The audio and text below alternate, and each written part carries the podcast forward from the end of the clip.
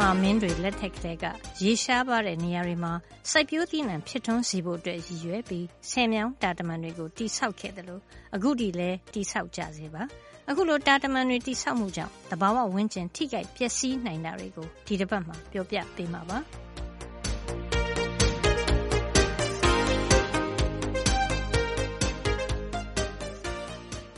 တကယ်တော့ရေကိုလိုအပ်တဲ့နေရာမှာလိုသလိုသုံးနိုင်ဖို့ဆယ်ရီတာတမန်တွေတိဆောက်တာဖြစ်ပေမဲ့ထိခိုက်မှုတွေလည်းရှိနိုင်တယ်လို့အင်ဂျင်နီယာဘူမိပညာရှင်ဦးသိမ့်ပိုင်ကပြောပါတယ်။ဆယ်မြောင်းတာတမန်တွေတိဆောက်ရတဲ့ရည်ရွယ်ချက်ကတော့ပထမဦးဆုံးကတော့ဒီစိုက်ပျိုးရေးလုပ်ငန်းတွေအတွက်ရေသွင်းစိုက်ပျိုးဖို့ဒုတိယအနေနဲ့ရေအားလျှပ်စစ်ထုတ်ယူဖို့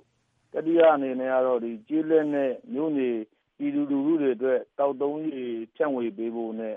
တချို့ရေကြီးရေလျှံတဲ့နေရာတွေမှာ ရေကြီးရေလျှံမှုတွေကို ကာကွယ်ထိန်းသိမ်းဖို့ဆိုတဲ့ တကယ်ကို ကောင်းမွန်တဲ့ ရည်ရွယ်ချက်တွေနဲ့ ဆည်မြောင်းတာတမံတွေကို တည်ဆောက်ခဲ့တာပဲ။ဒါပေမဲ့ ဘယ်လိုလုပ်ငန်းမှာမဆို ကောင်းကျိုးရှိသလို ဆိုးကျိုးတွေကလည်း ရှိတယ်။ဆည်မြောင်းတာတမံတွေ တည်ဆောက်တဲ့အတွက်ကြောင့်မို့လို့သဘာဝပတ်ဝန်းကျင် ထိခိုက်မှုတွေ အများကြီးရှိတယ်။”သဘာဝဝန်းကျင်ကို ဘယ်လိုနည်းနဲ့ ထိခိုက်စေတာပါလဲ။“ဆည်မြောင်းတာတမံတွေ တည်ဆောက်လိုက်တယ်ဆိုရင် နဂိုတုန်းက သဘာဝပတ်ဝန်းကျင်တွေက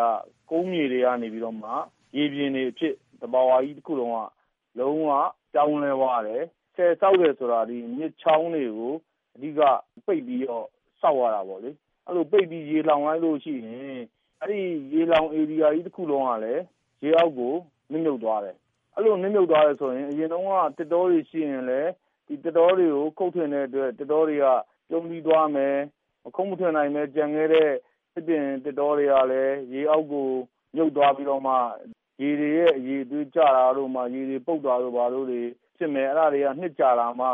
ရေကောင်းတွေပြန်ဖြစ်နိုင်တယ်။နောက်တခုကတော့ ဆည်တွေဆောက်လိုက်တဲ့အတွက် မြစ်တွေက နဂိုစီးနေတဲ့ ရေစီးရေလာတွေရှိတယ်။အဲဒီရေစီးရေလာတွေကို ပိတ်လိုက်တဲ့အတွက် မြစ်အောက်ပိုင်းမှာဆိုလို့ရှိရင် ရေစီးနှုန်းတွေ အနယ်အပို့ချမှုတွေ အဲဒါတွေအကုန်လုံးက ပြောင်းလဲသွားတယ်။နဂိုတုန်းက ကုန်းမြင့်သဘာဝကနေပြီးတော့မှ ရေပြင်သဘာဝဖြစ်တော့ သူနဲ့သက်ဆိုင်တဲ့ Ecology တွေကလည်း အကုန်လုံးပြောင်းသွားတယ်။အရင်တုန်းက တောတောင်ထဲမှာရှိတဲ့ သားရဲတိရစ္ဆာန်တွေ ဘာတွေကလည်း ရေပြင်ကြီးဖြစ်သွားတဲ့အတွက်ကြောင့်မို့ သူတို့ရဲ့ စားကျက်မြေတွေ ပျောက်ဆုံးသွားတယ်။နောက် ရေထဲမှာဆိုလို့ရှိရင်လည်း ငါးမျိုးစိတ်တွေ ဆိုလို့ရှိရင်လည်း အများကြီး ပြောင်းသွားနိုင်တယ်။”အပင်တွေ သတ္တဝါတွေနေထိုင်တဲ့ သဘာဝဝန်းကျင်ရဲ့ ဂေဟစနစ်ကိုသာ ထိခိုက်စေတာ မဟုတ်ပါဘူး။ရေလွှမ်းသွားတဲ့ ဒေသတွေမှာ တခြားဆုံးရှုံးရတာတွေလည်း ရှိနိုင်ပါတယ် ရေလှောင်လိုက်တဲ့အတွက်ကြောင့်မို့လို့မြေအောက်မှာရှိတဲ့သဘာဝသယံဇာတတွေရှေးဟောင်းအမွေအနှစ်တွေဘုရားကျောင်းကန်တွေရှိရင်လည်းအဲဒါတွေအားလုံးကလုံးဝကိုမှ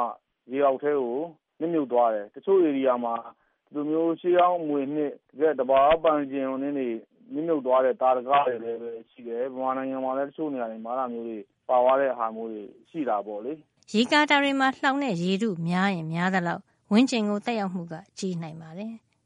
ဆည်တည်ဆောက်လိုက်တယ်ဆိုတာဆည်ရဲ့ပမာဏအကြီးအသေးပေါ်မူတည်ပြီးတော့မှရေလှောင်လိုက်တဲ့အခါကျတော့ဆည်တွေကအရမ်းကြီးတယ်ဆိုလို့ရှိရင်ရေလှောင်လိုက်တဲ့ထုထည်ကလည်းအရမ်းကြီးလာတယ်။အဲဒီလိုရေထုထည်အရမ်းကြီးလာတဲ့အတွက်ကြောင့်မို့လို့အဲဒီရေထုထည်ရဲ့သက်ရောက်တဲ့ဖိအားတွေကလည်းဖြစ်လာတယ်။တနေရာထဲမှာသွားပြီးတော့မှရေထုထည်နဲ့ဖိထားသလိုဖြစ်တော့သဘာဝရဲ့တည်ငြိမ်မှုပေါ့လေ Stability တွေလည်းပြောင်းသွားတယ်။အဲဒီလို Stability တွေပြောင်းသွားတဲ့အတွက်ဆည်အကြီးကြီးတွေဆောက်တယ်ဆိုလို့ရှိရင် တချို့နေရာဒေသတွေမှာ ငလျင်အသေးစားလိုဟာတွေလည်းပဲ ဖြစ်နိုင်တဲ့သဘောရှိတယ်။တကယ်လို့ ဆည်ကြီးတွေဆောက်ပြီးတော့ သဘာဝဘေးအန္တရာယ်ကြောင့် မိုးများလို့ပဲဖြစ်ဖြစ်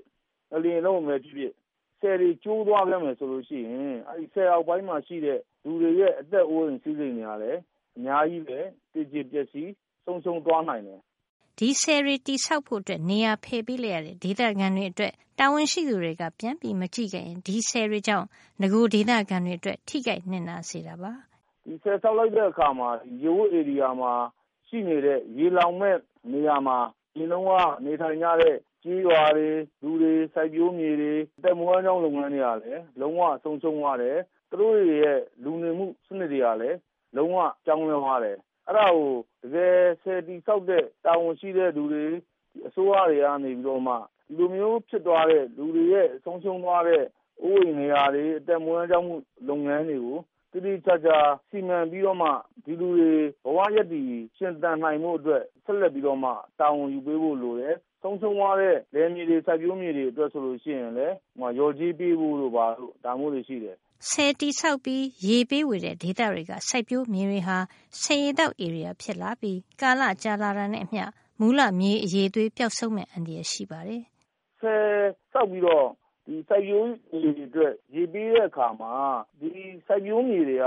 ဆည်ရေတောက် စိုက်ပျိုးမြေတွေ ဖြစ်လာတယ်။ဆည်ရေတောက် စိုက်ပျိုးမြေတွေက ရေရှည်မှာ ကြာရင် ဘယ်လိုဖြစ်သလဲဆိုတော့ဒီစားပေါက်တဲ့မြေတွေ ဖြစ်ပြီးတော့မှ သဘာဝရဲ့ မြေအရည်အသွေးတွေက လုံးဝကျဆင်းသွားတယ်။ နောက်ဆိုရင် အပင်စိုက်တယ်ဆိုလို့ရှိရင်ဓာတ်မြေဩဇာကို ပိုပြီးတော့ သုံးစွဲလာရတယ်။ဓာတ်မြေဩဇာ ပိုပြီးသုံးစွဲလာရင် ဒီဓာတ်မြေဩဇာ တချို့ chemical တွေပါတော့ အဲဒီရဲ့ side effect တွေကိုလည်း ဖြစ်တယ်။ကမ္ဘာမှာဆိုလို့ရှိရင်လည်း နိုင်းမြစ်ဝှမ်းတလျှောက်မှာ ဆည်သောက်ရေတွေကို သုံးပြီးတော့မှ စိုက်ပျိုးရေးတွေကို နှစ်များစွာ လုပ်လာတဲ့အတွက်ကြောင့်မို့ အဲဒီရဲ့ သဘာဝမြေ အရည်အသွေးတွေက